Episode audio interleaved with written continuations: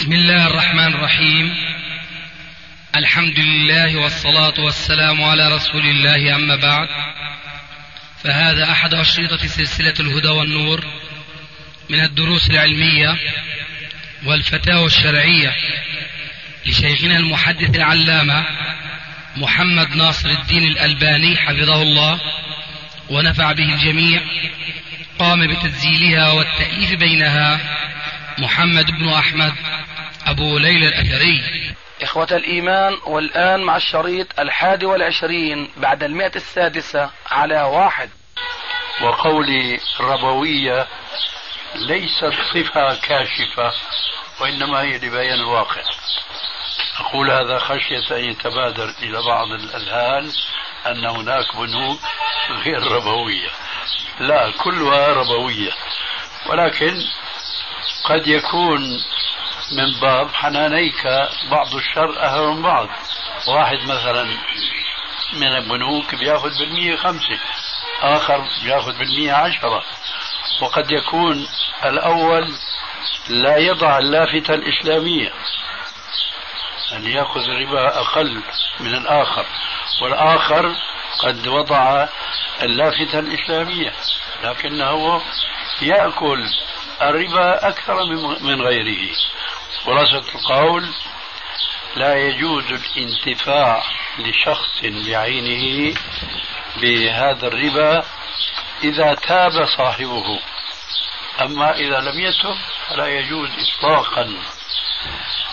وليس من المرافق العامة التي يصح صرف المال النجس أو وهو المال الربوي في المساجد لأنه مما لا شك ولا ريب فيه أن كل مسجد بني على مال اكتسب بطريق محرم أنه لا يصدق عليه أنه مسجد بني على أساس من التقوى. وإذا كان ولا بد من صرف المال الربوي بعد أن تاب صاحبه في ما يتعلق بالمسجد فيمكن أنه أن يقال يصرف في المراحيض. هذا ما يمكن أن يقال. غيره. بارك الله هل قوله صلى الله عليه وسلم إن الملائكة لا تدخل بيتا فيه كلب ولا صورة ولا تمثال يشمل صور التلفزيون أيضا ولعب الأطفال الصغار؟ لا نشك في ذلك. إذا كانت لعبة التلفاز مثبتة. يعني الآن ممكن مثلا الآن يكون هناك أمور أو حشد أو ما شابه ذلك بواسطة التلفاز نراه. لكن أن تصور هذه المناظر وتحفظ في شريط ثم تعرض لا فرق بين هذه الصور والصور الفوتوغرافية ونحوها. لأن كل ذلك يسمى لغة وعرفا صورة. وحين ذاك تدخل هذه الصور بكل أنواع وسائلها المحدثة في عموم قوله عليه الصلاة والسلام فيما يتعلق بالمصورين كل مصور في النار. وعموم قوله عليه الصلاة والسلام فيما يتعلق بالصور ذاتها لا تدخل الملائكة بيتا فيه صورة أو كلب. فهذا العام الأول والعام الآخر يشمل كل المصورين مهما كانت وسائل تصويرهم وكل الصور بأي وسيلة صورت. هذا من حيث النقل. أما من حيث من حيث النظر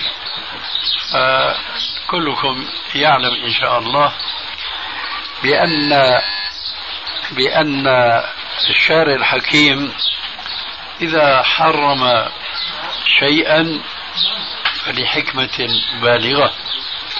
قد تظهر هذه الحكمة لبعضهم وقد تخفى على الكثيرين.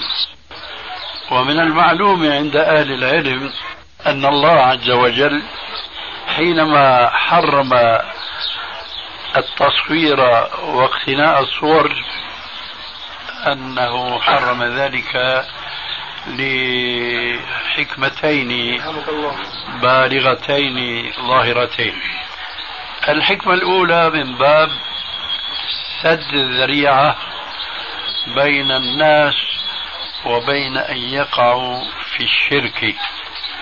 كما وقع لقوم نوح عليه السلام الذين ذكرت قصتهم في السورة المسماة باسمه وحكى ربنا عز وجل عنهم أن موقفهم كان تجاه أمر نوح عليه السلام إياهم أن يعبدوا الله وحده حيث تناصحوا بينهم فقالوا لا تذرن آلهتكم ولا تذرن ودا ولا سواعا ولا يغوث ويعوق ونسرا. وقد جاء في تفسير آه، الآية في صحيح البخاري وفي تفسير ابن جرير وابن كثير وغيرها من المصادر السلفية أن قوم نوح عليه السلام إنما كان سبب وقوعهم في الشرك وعبادة غير الله عز وجل إنما هو بدء تعظيمهم لصالحيهم تعظيما مخالفا للشرع. تقول هذه الرواية التي ذكرنا آنفا بعض مصادرها بأن هؤلاء الخمسة الذين ذكروا في الآية السابقة كانوا عبادا لله صالحين. فلما ماتوا أوحى الشيطان إليهم أن يجعلوا قبورهم في أفنية دورهم وينبغي أن تتنبه لنفسك ولا تعطي بشمالك وإنما بيمينك. لعلك تعلم قوله صلى الله عليه وسلم أعطي باليمين وخذ باليمين. جملة معترضة لا بأس منها. فهؤلاء كانوا خمسة من عباد الله الصالحين. فأوحى الشيطان إلى قومهم أن ادفنوهم في أفنية دوركم. لا تدفنوهم في المقابر التي يدفن فيها عامة الناس حتى تتذكروهم. ومن هنا بدأت فكرة نصب التماثيل في الساحات العامة التي بدأت تنتشر مع الأسف في بعض بلاد الإسلام في هذا الزمان.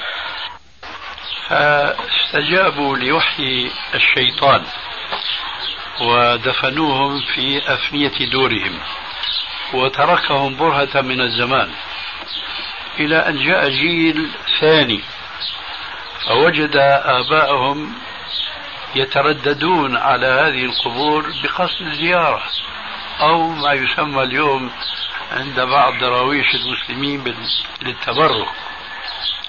فأوحى إليهم أن هذه القبور بقاؤها في هذا المكان قد تأتي عواصف سيول كذا تجرفها وتذهب آثارها. وهؤلاء ناس صالحون كما تعلمون فيجب أن تبقى آثارهم أبد الدهر. إذا ماذا نصنع؟ قال انحتوا لهم أصناما تماثيل. فاستجابوا ووضعوها في مكان وأخذ الجيل يتردد على هذا المكان ثم جاء جيل ثالث وأوحى إليهم أخيرا أنه لا يليق بهؤلاء إلا أن يوضعوا في أماكن رفيعة تليق بصلاحهم ومكانهم إلى آخره وهكذا بدأ عبادة الأصنام من دون الله عز وجل بطريق التماثيل. فكان من حكمة الله عز وجل أن حرم التصاوير سواء ما كان لها ظل أو ليس لها ظل. هذه الحكمة الأولى الظاهرة من قصة قوم نوح مع نوح عليه السلام. الحكمة الثانية وهي أقوى من حيث الرواية. ألا وهي المضاهاة لخلق الله عز وجل. حيث جاء في صحيح البخاري أن النبي صلى الله عليه وآله وسلم لما رجع من سفر وأراد الدخول على عائشة وجد هناك ستارة وعليها تماثيل. فلم يدخل ووقف خارج الغرفة. فسارعت إليه السيدة عائشة وقالت يا رسول الله إن كنت أذنبت فإني أستغفر الله. قال لا ما هذا القرام قال قرام اشتريته لك تعني أتزين به من أجلك. قال عليه الصلاة والسلام إن أشد الناس عذابا يوم القيامة. هؤلاء المصورون الذين يضاهون بخلق الله. الذين يضاهون بخلق الله. فإذا التصوير من أسباب تحريمه هو أن المصور يضاهي خلق الله عز وجل. وهنا لا بد من وقفة يسيرة لرد شبهة عصرية. ألا وهي زعم كثير من المتفقهة ولا أقول من الفقهاء في هذا الزمان أن الذي يصور بالآلة الفوتوغرافية الكاميرا مثلا أو الفيديو هذا ليس مضاهيا لخلق الله بل هو يتعاطى الأسباب الكونية التي خلقها الله وذللها للإنسان فتكون هذه الصورة. حتى أغرق بعضهم في الخيال والإبطال في الكلام أن قال أن هذا الذي يصور بالكاميرا هو لا يصور وإنما المصور هو الله الذي حبس الظل. فهذه مكابرة عجيبة جدا لا تخفى على كل ذي بصيرة. ذلك لأن المسألة مسألة التصوير لو غضضنا النظر عن الجهود التي بذلت في صنع هذا الجهاز بحيث أنه لا يحتاج إلى قلم وريشة ودهان وإلى آخره مما كانوا قديما يتعاطونه من أجل التصوير وإنما إلى كبسة وضغط على زر. فأقول أنا سبحان الله هذه مكابرة عجيبة جدا. وعليكم السلام ورحمة الله وبركاته. أقول لو أن هذا الجهاز المسمى بالكاميرا ترك هكذا سنين لم تصور شيئا. فلا بد من أولا توجيه الجهاز إلى الهدف المقصود تصويره ثم لا بد من الضغط على الزر. كيف يقال أنه هذا ما صور؟ هذه مكابرة عجيبة وعجيبة جدا. لكن الشاهد أنهم يقولون أن هذه الوسائل الحديثة ليس فيها مضاهاة والواقع أن المضاهاة لخلق الله بالتصوير بهذه الأجهزة أدق من التصوير كما كان قديما سواء بالريشة أو بالنحت. إذا كان من المتفق عليه بين العلماء قديما وحديثا أن الصور المجسمة أي الأصنام هي محرمة. لا لشيء إلا لأنها مجسمة ولها ظل ولكنها هل تضاهي خلق الله من كل الجوانب؟ الأمر واضح جدا. ذلك لأن هذا الصنم عبارة عن قطعة حجر. فهو في الظاهر يمثل إنسانا من خلق الله عز وجل لكن في الباطن ليس هناك ما يوجد في باطن الإنسان الذي خلقه الله عز وجل وسواه وعدله. فإذا التشبيه هو المضاد فيما يظهر من الصورة سواء كانت مجسمة أو كانت على الستارة أو على الجدار أو على الورق. ومن هنا يبدو لنا أننا نعيش في بعض ما نسمع من أحكام في العصر الحاضر على نمط المذهب الظاهري مذهب ابن حزم الظاهري الذي يضرب به المثل في غلوه في تمسكه في ظواهر النصوص. تمسكا يعني يضحك كما يقال الثكلى. نحن الآن في هذا العصر نقع في مثل هذه الظاهرية القديمة فنحن نعيش ظاهرية عصرية. لماذا؟ لأن الصنم هو المحرم فقط. أما التصوير الذي يتحرك أي الفيديو وك... وتراه كأنه إنسان حي هذا ليس في مضاهاة لخلق الله. أما هذا الحجر الأصم لا تسمع منه صوتا ولا ترى منه حركة شفوية ونحو ذلك ولا رمش العين ولا هذا ليس فيه مضاهاة لخلق الله. أما نحت هذا الصنم الأصم هذا مضاهاة لخلق الله. هذه ظاهرية أغرق في في التمسك بالظاهرية من ظاهرية ابن حزم الذي وصل به الأمر أن يقول في حديث الرسول عليه الصلاة والسلام نهى عن البول في الماء الراكد. وعليكم السلام. نهى رسول الله صلى الله عليه وسلم عن البول في الماء الراكد. ظاهر هذا اللفظ العربي كما يقول ابن حزم نهى عن البول في الماء الراكد لكنه إذا بال في إناء فارغ ثم أراق هذا البول. من هذا الإناء في الماء الراكد ما بال في الماء الراكد؟ إذا هذا يجوز. سبحان الله مع فضله وعلمه رجل فاضل الحقيقة لكن سبحان الله أبى الله عز وجل عصمة إلا لأنبيائه ورسله.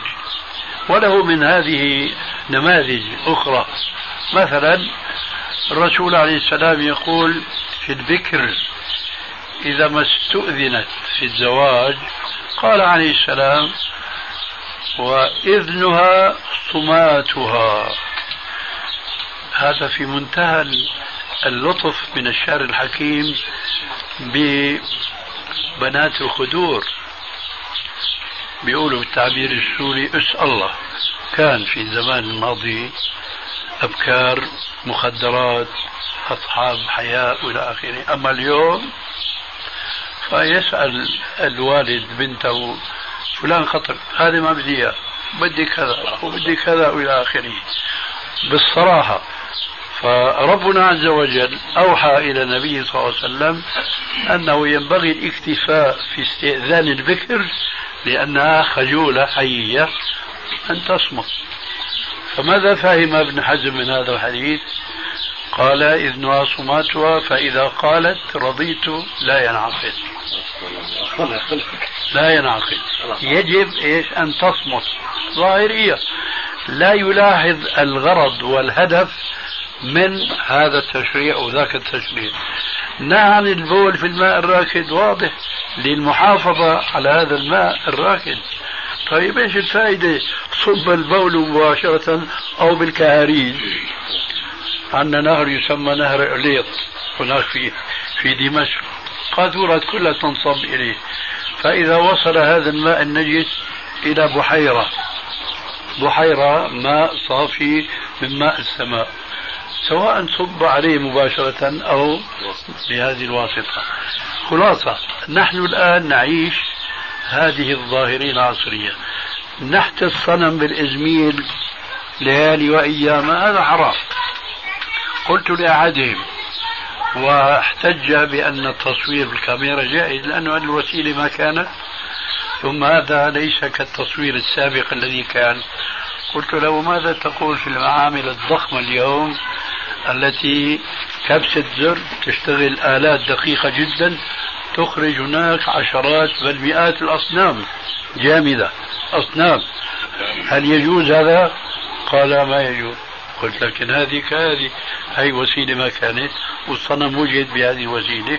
كذلك هذه الصورة وجدت بوسيلة فالعبرة ليست الوسيلة العبرة بالغاية. ما لا يقوم الواجب إلا به فهو واجب ما يقوم الحرام به فهو حرام. هذه قواعد. فإذا وجد الصنم نحتا بالإزميل أو سعيا إلى إبداع آلة تخرج بلحظات تلك الأصنام النتيجة واحدة كنتيجة صب البول في الماء الراكد مباشرة أو بالواسطة الأخرى. إذا كل هذه الصور التي اختلفت وسائلها عن الوسائل المعروفة قديما فهي اسمها صور فيشملها حديث لا تدخل ملائكة بيتا فيه صورة. والذين يصنعون هذه الصور بهذه الأجهزة هم مصورون وكلهم في النار كما قال عليه الصلاة والسلام كل مصور في النار. لعن الله المصورين يقال لهم أحيوا ما خلقتم إذا عرفنا هذه الحقيقة عرفنا أن صور الفيديو على البيان السابق هي من المحرمات أيضا. ولكن آه كما يقول الفقهاء لكل قاعدة شواذ وهذا معروف في القرآن الكريم حرمت عليكم الميتة والدم ولحم الخنزير إطلاقا ولا في استثناء إلا ما اضطررتم إليه. من هنا أخذ الفقهاء القاعدة المعروفة الضرورات تبيح المحظورات. ولكنهم كان من دقة فقههم وفهمهم في ملاحظتهم للآية السابقة إلا ما اضطررتم إليه أن أضافوا إلى القاعدة السابقة. الضرورات تبيح المحظورات ضميمة مهمة جدا وهي الضرورة تقدر بقدرها.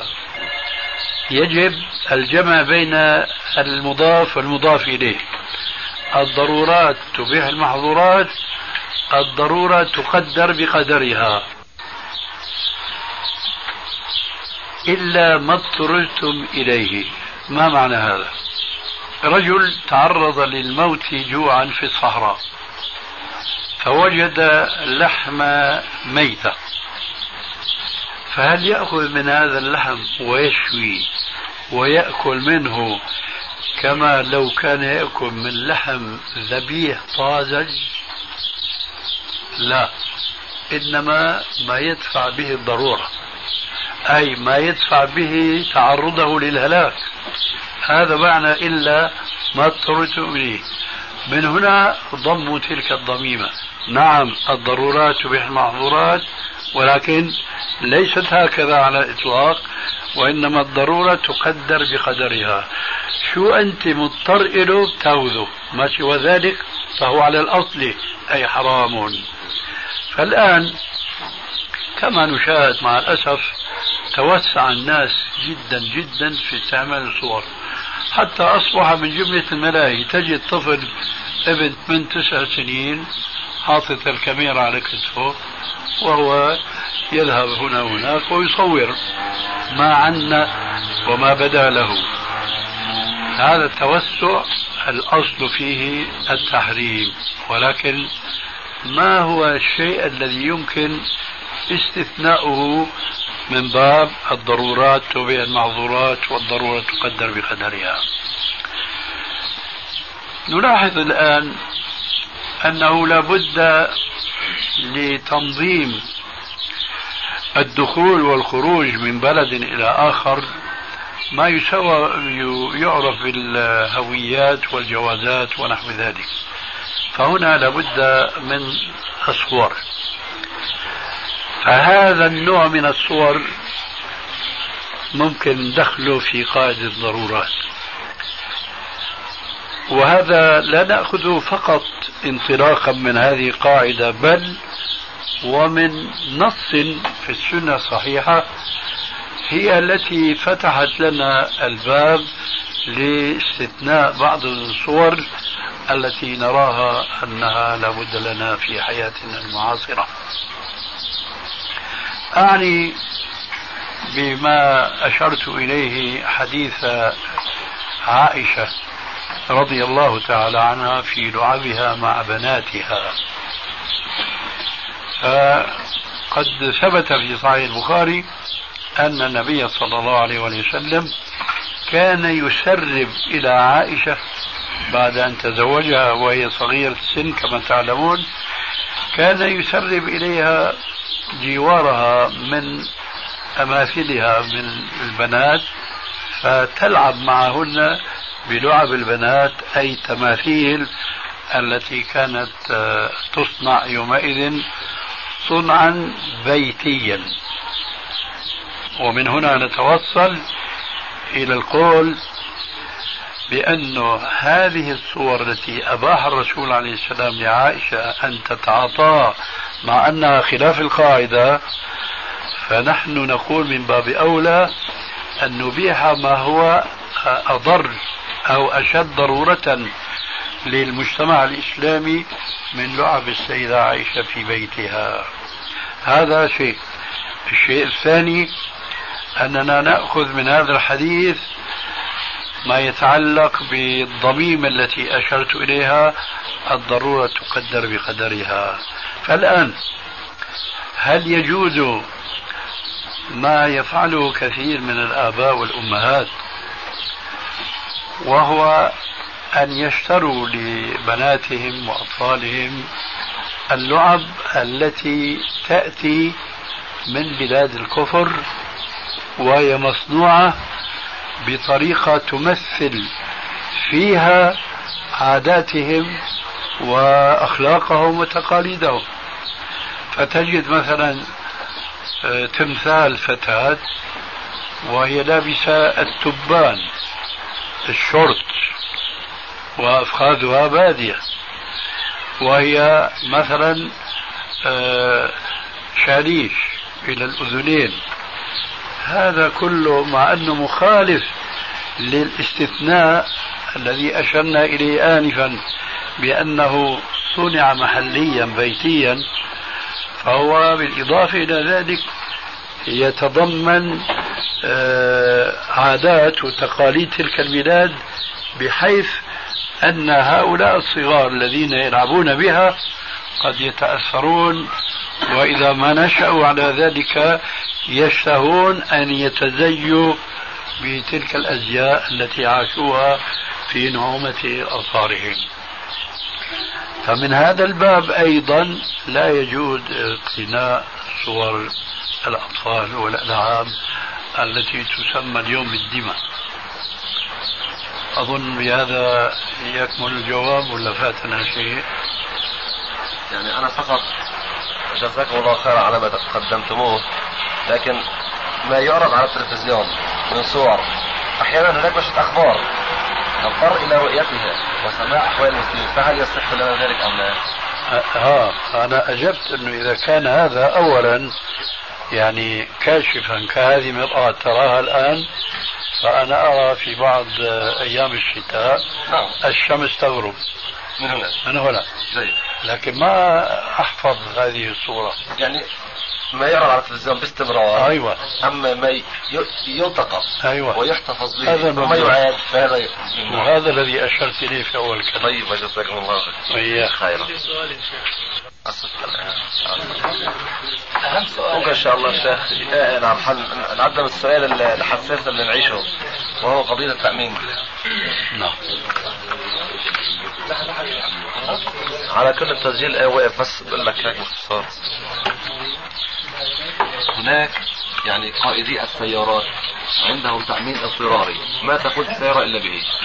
وهو التأمين على حياة الآخرين. إذا صار حادث سيارة عندهم تأمين اضطراري. ما تقود السيارة إلا به؟ وهو التأمين على حياة الآخرين. إذا صار حادث سيارة لا سمح الله ومات. فهذا ما يسمح لك بقيادة السيارة إلا أن تؤمن. تؤمن. طيب. عندنا تأمين آخر الآن تأمين ضد الغير لو حدث حادث سيارة وتضرر آخرون إنسان عطب ما بقى فيه يعني يعمل فأنت ملزم بأن تكفله وتكفل معاشه طيلة حياته طالما أنك أبعدته وإذا تضررت سيارته تصلحها أنت تقول يعني للشركة ولا؟ لمن؟ من اللي كفيل؟ الشركة هلا ولا صاحب سيارة؟ صاحب السيارة هو الذي سي... يعني يتكفل بهذا. أنا عندي سيارة. هو كيف يتكفل؟ إذا لم يؤمن عند شركة آه. التأمين إذا لم يؤمن. آه نعم. نعم. التأمين الإجباري هذا اتفقنا عليه. نعم. أما التأمين الآن ضد الغير. نعم. حدث حادث سيارة وتعطل الرجل. إذا مات الدولة تدفع له لأنك مؤمن. أما إذا تعطل أو كسر منه عضو أو آه، يعني تضررت سيارته فأنت ملزم بذلك. فهل هنا يصح التأمين؟ آه هو التأمين لا يجوز على أي وجه. والصورة الأخيرة هي أقرب إلى الشرع كقتل الخطأ. يعني واحد دعس شخصا في الطريق نعم. وكان هو المخطئ. نعم. فهو ضامن شرعا. نعم. طيب هذا أولى من المشاركة في التأمين الذي هو عين المقامرة. أما ما اضطر إليه فعرف الحكم من السابق. آه هذا المضطرين له آه آه، يعني حسبنا الله فيه. بس أما الآخر؟ ما يجوز. ما يجوز. نعم. طيب.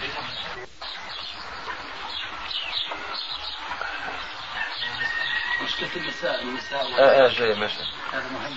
بالنسبة لخلع المرأة ملابسها في محل البيع والشراء هل ينطبق عليه حديث النبي صلى الله عليه وسلم أي امرأة نزعت ثيابها الحديث؟ أولا أنا أفهم من هذا الحديث بخلع الثياب كليا. نعم. يعني أن تتعرى وهذا لا يحصل في المحل. آه. فإذا خاص بالحمام. لا بس ما انتهى لسه أنا قلت أولا. تعرف أولا. تعني ثانيا. وقد تعني ثالثا الله أعلم أولا الحديث ينصب على المرأة التي تتجرد عن ثيابها كليا ولذلك استدل به على تحريم دخول المرأة الحمام خارج دارها مع ذلك أنا أقول إذا اضطرت المرأة بأن تستحم في دار غير دار أهلها وذويها ومحارمها فحين ذاك إيه، ينبغي النظر في تأمين سد الذريعة. لأن هذا الحكم آه، ليس تعبديا محضا. لا يعرف آه، الحكمة أو العلة في نهي الرسول عليه السلام المرأة أن تتعرى. بل هذا معقول المعنى. لأن ذلك قد يعرضها لأن تفتن في عرضها. فإذا كان هناك مع محرم يصونها فيما إذا أريد أن يعتدى عليها فحينئذ يزول المنع فإذا وجد مثل هذا المانع ولو بطريق غير المحرم. ولو بطريق غير المحرم. كأن تكون مثلا في دار هي على يقين أنه ليس فيها رجال. فيجوز لها أن تستحم بعد أن تأخذ أيضا الحيطة في أن لا أحد حتى من النساء يطلع على عورتها. إذا عرفنا النص وفقهه الآن يمكننا أن نتوصل إلى الإجابة عن السؤال مباشرة. فأقول هذه الغرف التي تتخذ في أماكن التجارة بالألبسة إذا كانت أولا آه، ليس فيها عيون تتجسس وتراقب من يدخل في هذه الغرفة من النساء.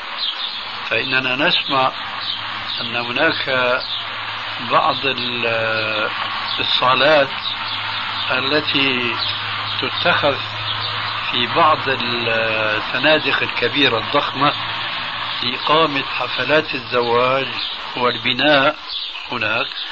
في هناك يعني إيش يسمون هذه؟ الكاميرات توضع في بعض الزوايا. بحيث لا ينتبه لها الجالسون في تلك الصالة لكنها هي تصور. ومن كان في الصالة لا يشعر وبيقول ما في حدا. ما في حدا لكن هناك آحاد وعيون لا ترى ولكنها ترى.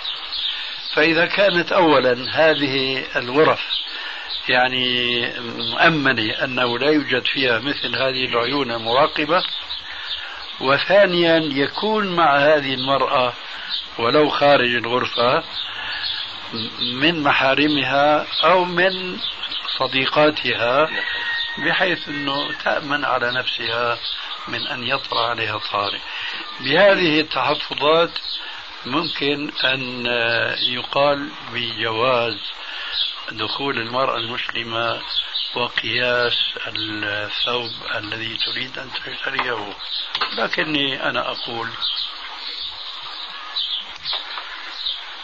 لا أرى للمرأة المسلمة أن تهتم بنوعية لباسها بحيث أنه لا يمكن أن ترضى به إلا بعد أن تلبسه كتجربة. لأنني أفهم أن المقصود من هذا كله أن تكون الثياب ضيقة عليها وأن تكون فضفاضة. وهذا معاكسة لحكم الشرعي حيث يشترط في ثيابها أن لا تكون شفافة ولا أن تكون مجسمة أيضا. ولذلك فأنا أتصور أن مجرد الدخول في مثل هذه الغرفة مع كل التحفظات التي اشترطناها لا تخلو من مخالف للشرع. عفوا يا شيخنا مصداق لما قلتم بارك الله فيك. في عمان آه، رجل أتى بأهله لكي يبني بها في هذا الفندق. فصورت ليلة الدخلة تصويرا كاملا. وافتضح الأمر وتم إغلاق هذا الفندق على أثر هذه الحادثة. هكذا. أي نعم.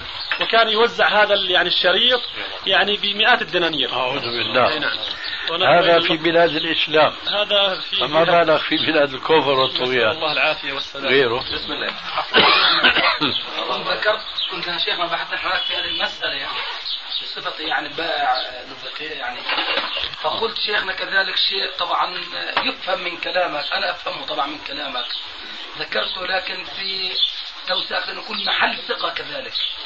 أن يكون المحرم موجود والمحل نفسه يكون ثقة. تعرف شيخنا أستراليا ما في هذه الثقة من حيث التجار وكذا وهذا لأنه تعرف أكثرهم كفار. نعم. أي نعم. بعدين أغلب أماكن التجربة بتكون يعني من تحت مكشوفة.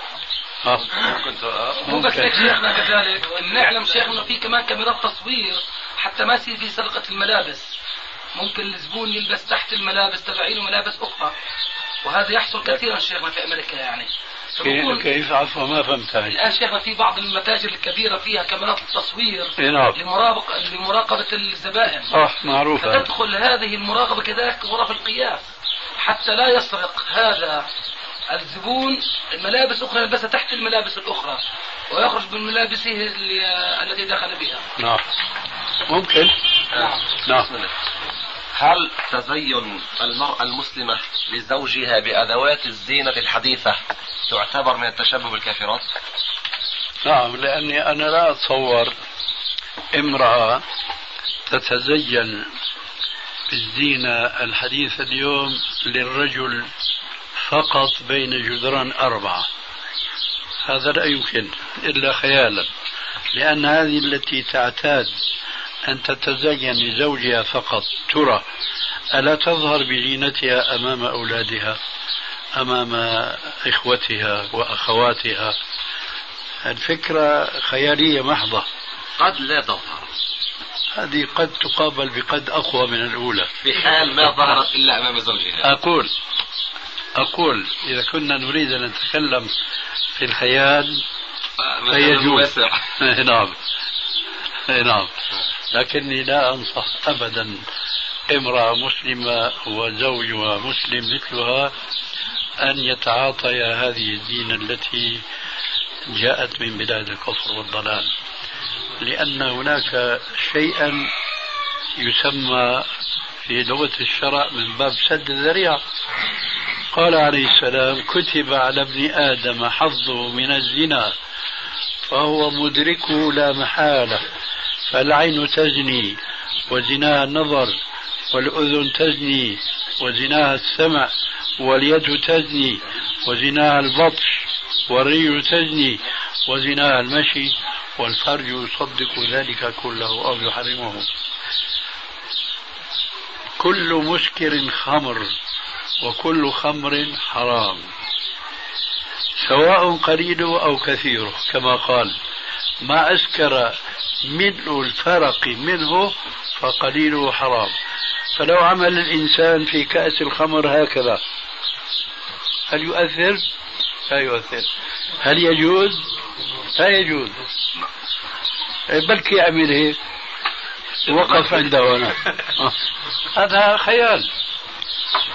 كما كما قال الشوقي وما أجمل ما قال نظرة فابتسامة فسلام فكلام فما عندهم كبرى لذلك بيقولوا عنا بالشام ابعد عن الشر وغني له. غناء.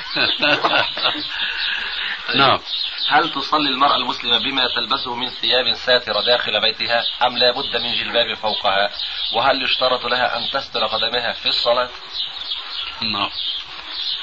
أما ستر القدمين في الصلاة فهذا لابد منه لأن القدمين من عورة المرأة كما دل على ذلك الكتاب والسنة. أما هل يجوز للمرأة أن تصلي بثياب بيتها. الجواب يبدو أنه ليس من ثياب بيتها أن تكون ساترة لقدميها. فإذا الجواب واضح أنه لا يجوز. ولهذا جاء في بعض الآثار السلفية أن المرأة إذا قامت تصلي فيجب أن يكون عليها قميص سابغ يستر ظاهر قدميها. إلا إذا افترضنا امرأة أيضا هذا في الخيال تعيش في عقر دارها متحجبة متجلبة بجلبابها كما لو كانت تعيش بين الأجانب. قد يكون هناك امرأة في لباسها في بيتها فيها شيء من التحجيم. فإذا صلت فهي فعلا ساترة لعورتها لكنها من جهة أخرى محجمة لعورتها وهذا مخالف لشريعة ربها. ولذلك فلا بد للمرأة أن تتخذ إزارا أو قميصا طويلا تلبسه ولو كانت يعني حافية القدمين فيكفيها أن تستر ظهور قدميها بهذا الثوب السابق لظاهر القدمين هل يكفي الجوربين في ستر القدمين؟ لا ما يكفي. يجسم لأنه يجسم طيب. نعم. هل يجوز للمرأة أن تقود السيارة؟ إن كان يجوز لها أن تقود ال- الحمارة فيجوز لها أن تسوق السيارة. طيب. وهل من قائل لا يجوز؟ هل من قائل لا يجوز لها أن تسوق الحمارة؟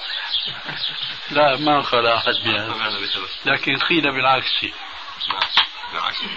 عكس هو في فرق ان تقود وان تركب. يعني الركوب هذا لا. وأيهما أستر؟ تقود تقود إيش؟ السيارة ولا الحمارة؟ الحمارة رجل الله يهديك. أستر. طيب غير انتهيتم؟ بس الآن نريد منكم. آه. سماحة الشافعي الإخوة في أستراليا يسمعون أن عبد الله الحبشي قابل وتحدثنا سابقا بهذا. الإخوة يريدوا لمحة. خلينا نختصرها. لمحة بسيطة عن لقائك مع عبد الله الحبشي وتقويمك له. وبخمس دقائق عشر دقائق انتهى بعدين نصيحة لنا وملاحظات على المجلة الملاحظات في الشوط الماضي. أي نعم الملاحظات عنده عنده آه، أولا أقول كان لقاؤه معي وليس لقائي معه. نعم. لا ما في داعي بس تصحيح يعني لبيان الواقع على حقيقته. رجل أنا ما كنت أعرفه حينما فاجأني بزيارته.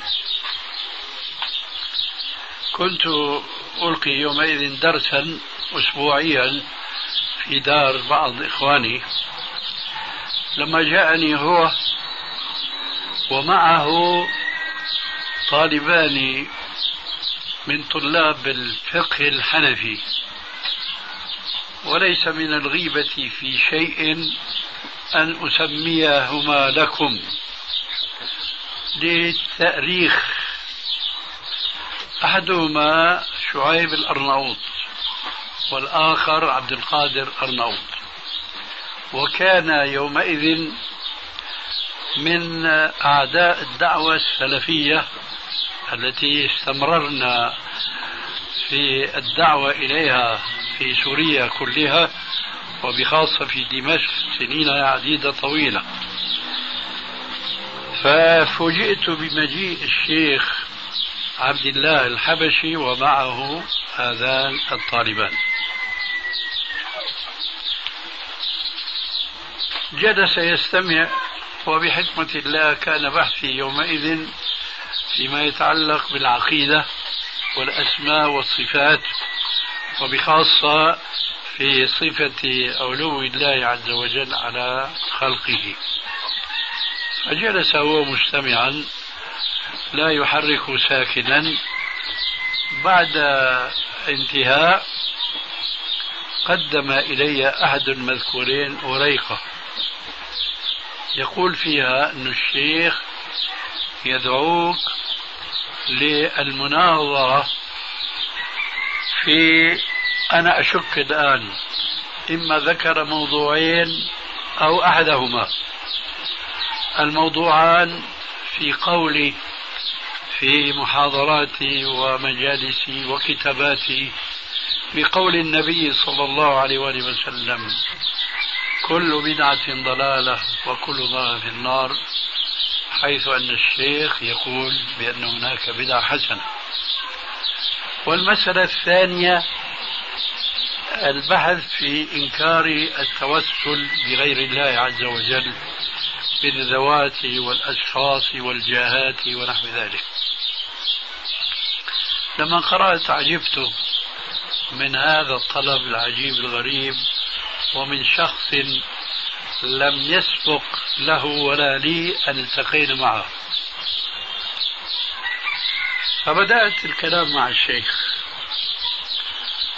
قلت يا شيخ أنت الآن تطلب اللقاء. لعله فاتني أن أذكر من حماقة السؤال أن يكون اللقاء في المسجد الأموي الكبير وبعد صلاة الجمعة. على مشهد من الناس. قلت له أنت ما سبق أن التقيت معي وبحثت معي وعرفت رأيي في هذه في هاتين المسألتين أو في غيرهما. فكيف تريد أن نلتقي مباشرة في المسجد الكبير وعلى مشهد غفير من الناس؟ وقد يثير هذا فتنة. بين الناس فقد يتعصب بعضهم لك وبعضهم لي وتقع الفتنة. أليس من المشروع والمعقول أن نلتقي مع بعض ونبحث ما تريد؟ فإن اختلفنا ولم نجد بدا من أن نلتقي في مثل ذلك المشهد يومئذ يمكن أن يقدم مثل هذا الاقتراح لكن هذا الاقتراح أنا في ظني شرعا وعقلا أنه سابق لأوانه فأجاب بالإيجاب. الأمر الذي أشعرني بأن هذا لم يكن منه. هذا الاقتراح لم يكن منه. فعلا لأنه رجل غريب عن البلد. كيف يتجرى هذه الجرأة؟ وأنا ابن البلد أولا. ولكن هؤلاء الذين كانوا معه هم الذين أوحوا إليه بهذا لإشعال فتيل الفتنة كما يقال. المهم الرجل وافق. وفعلا بدأنا نضع شروط المناظرة. ونحن نضع هذه الشروط أولا أن تكون كتابيا. وموقع كل سين وجيم من السائل والمجيب. طبعا وافق بعد الانتهاء اقترحت أن البحث أن يكون في بعض الأصول التي تتعلق بها بعض الفروع كالمسألتين المشار إليهما آنفا. أيضا وافق. إذا بالأخير أحد الرجلين اللذين كان معه وظني أنه شعيب. قال في مانع أن أكون أنا حاضر؟ قلت أنا من جهتي ما عندي مانع إلا سألوا الشيخ. طبعا الشيخ ما عنده مانع.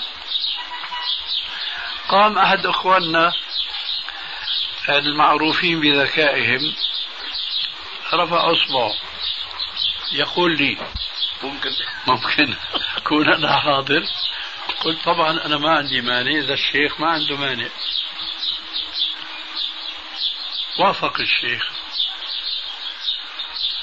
قام نفس الطالب قال شو رأيك؟ أنا ظروفي ما بتساعدني. يكون بديلي فلان أشار إلى أخ لي اسمه منير. أبو عبد الله رحمه الله توفي لأنه أقوى فعلا منه علما. قلت أنا أيضا كذلك ما في مانع.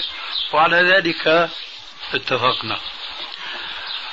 وبدأت الجلسات تعقد في داري هناك في دمشق في منطقة اسمها الديوانية. حضر الشيخ جلسة جلستين ثلاثة ما عاد أذكر العدد. وفعلا السؤال يكتب ويوقع. والجواب كذلك إلى آخره. وإذا به انقطع عن النظام المتبع كان هو من قبل يتردد على المكتبة الظاهرية التي أنا أعتبر ابنها البار.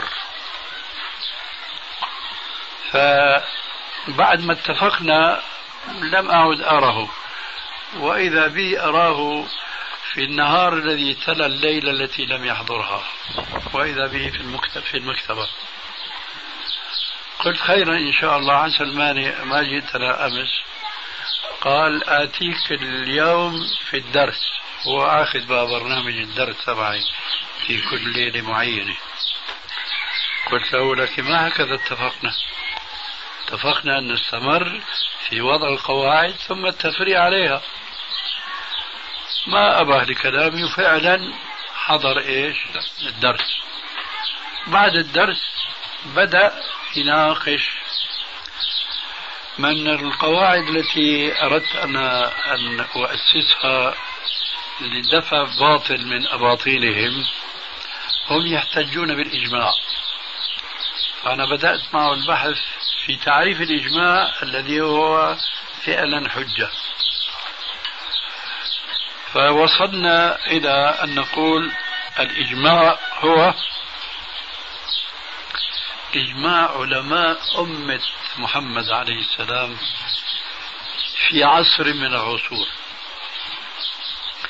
وليس إجماع الأمة. آه. علماء العصر.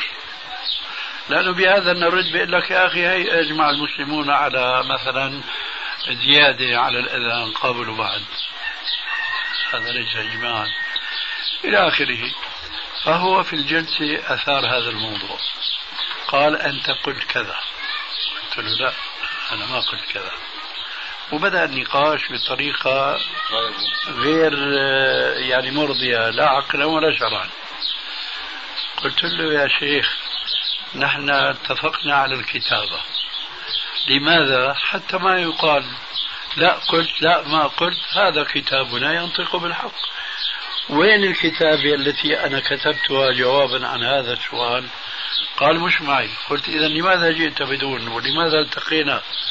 والخلاصة أنه الجلسة هذه يعني لم نحصل منها على نتيجة لأن رجل جاء ليناقش بناء على ما في ذهنه وليس بناء على ما اتفقنا عليه. وهذا كل ما وقع لي من لقاء معه في جلستين فقط. ثم بعد ذلك هو بدأ ينشر ردا في مجلة تمدن إسلامي وبدأت أنا أرد عليه وكان من ذلك رسالة ربما رأيتموها رد التعقيب الحثيث. شفتوها ولا لا؟ هذه نشرت قبل كل شيء.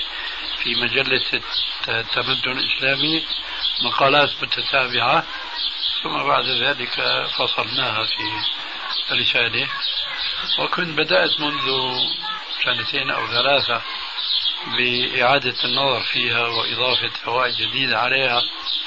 ثم سبحان الله صرفتني الصوارف العلمية الكثيرة لأن كان في عزمي أن أعيد نشرها. خاصة بعد أن وجد له بعض التلامذة الذين لا علم عندهم وإنما هم يتلقفون كل ما يقوله الشيخ. ويبدو أن نشاطه في لبنان واسع. في استراليا أوسع. نعم في استراليا الله أكبر. ابنه هناك. في جبل النزهة هو كان ابن مرة أقيم يعني يقائم عليها أحد تلاميذه أحد تلاميذه أول مسألة كانوا يدرسوها تفكير الكلمة. يعني تكفير أعوذ بالله. نعم. هاي أول مسألة كانت هذا من بدعه وضلالاته ف يعود أخيرا بناء على هذا السؤال. نحن نقول أنه أتباعه مضللون. منه. أتباعه مضللون منه. ولذلك فأنا أنصح باستعمال الصبر والأنات وطولة البال في مناقشة الأتباع بالحكمة والموعظة الحسنة. أنا أخشى ما أخشاه أن يكون الرجل غير مخلص وأن يكون مدسوسا من جهة أو أخرى الله أعلم بها. لأننا نعلم بالتاريخ الإسلامي أن الرؤوس إما يعني أصحابين أهواء عن غير قصد أو بقصد. أما الأتباع فمضللون وكثير منهم إذا تبينت لهم الحقيقة عادوا إليها وتمسكوا بها. ولذلك فلا أرى يعني مقاطعتهم ومدابرتهم وإنما الصبر عليهم ومجادلتهم بالتي أحسن. هذا لمن كان على علم وعلى صدر واسع ليتمكن من نقل الكلمة الطيبة إليهم.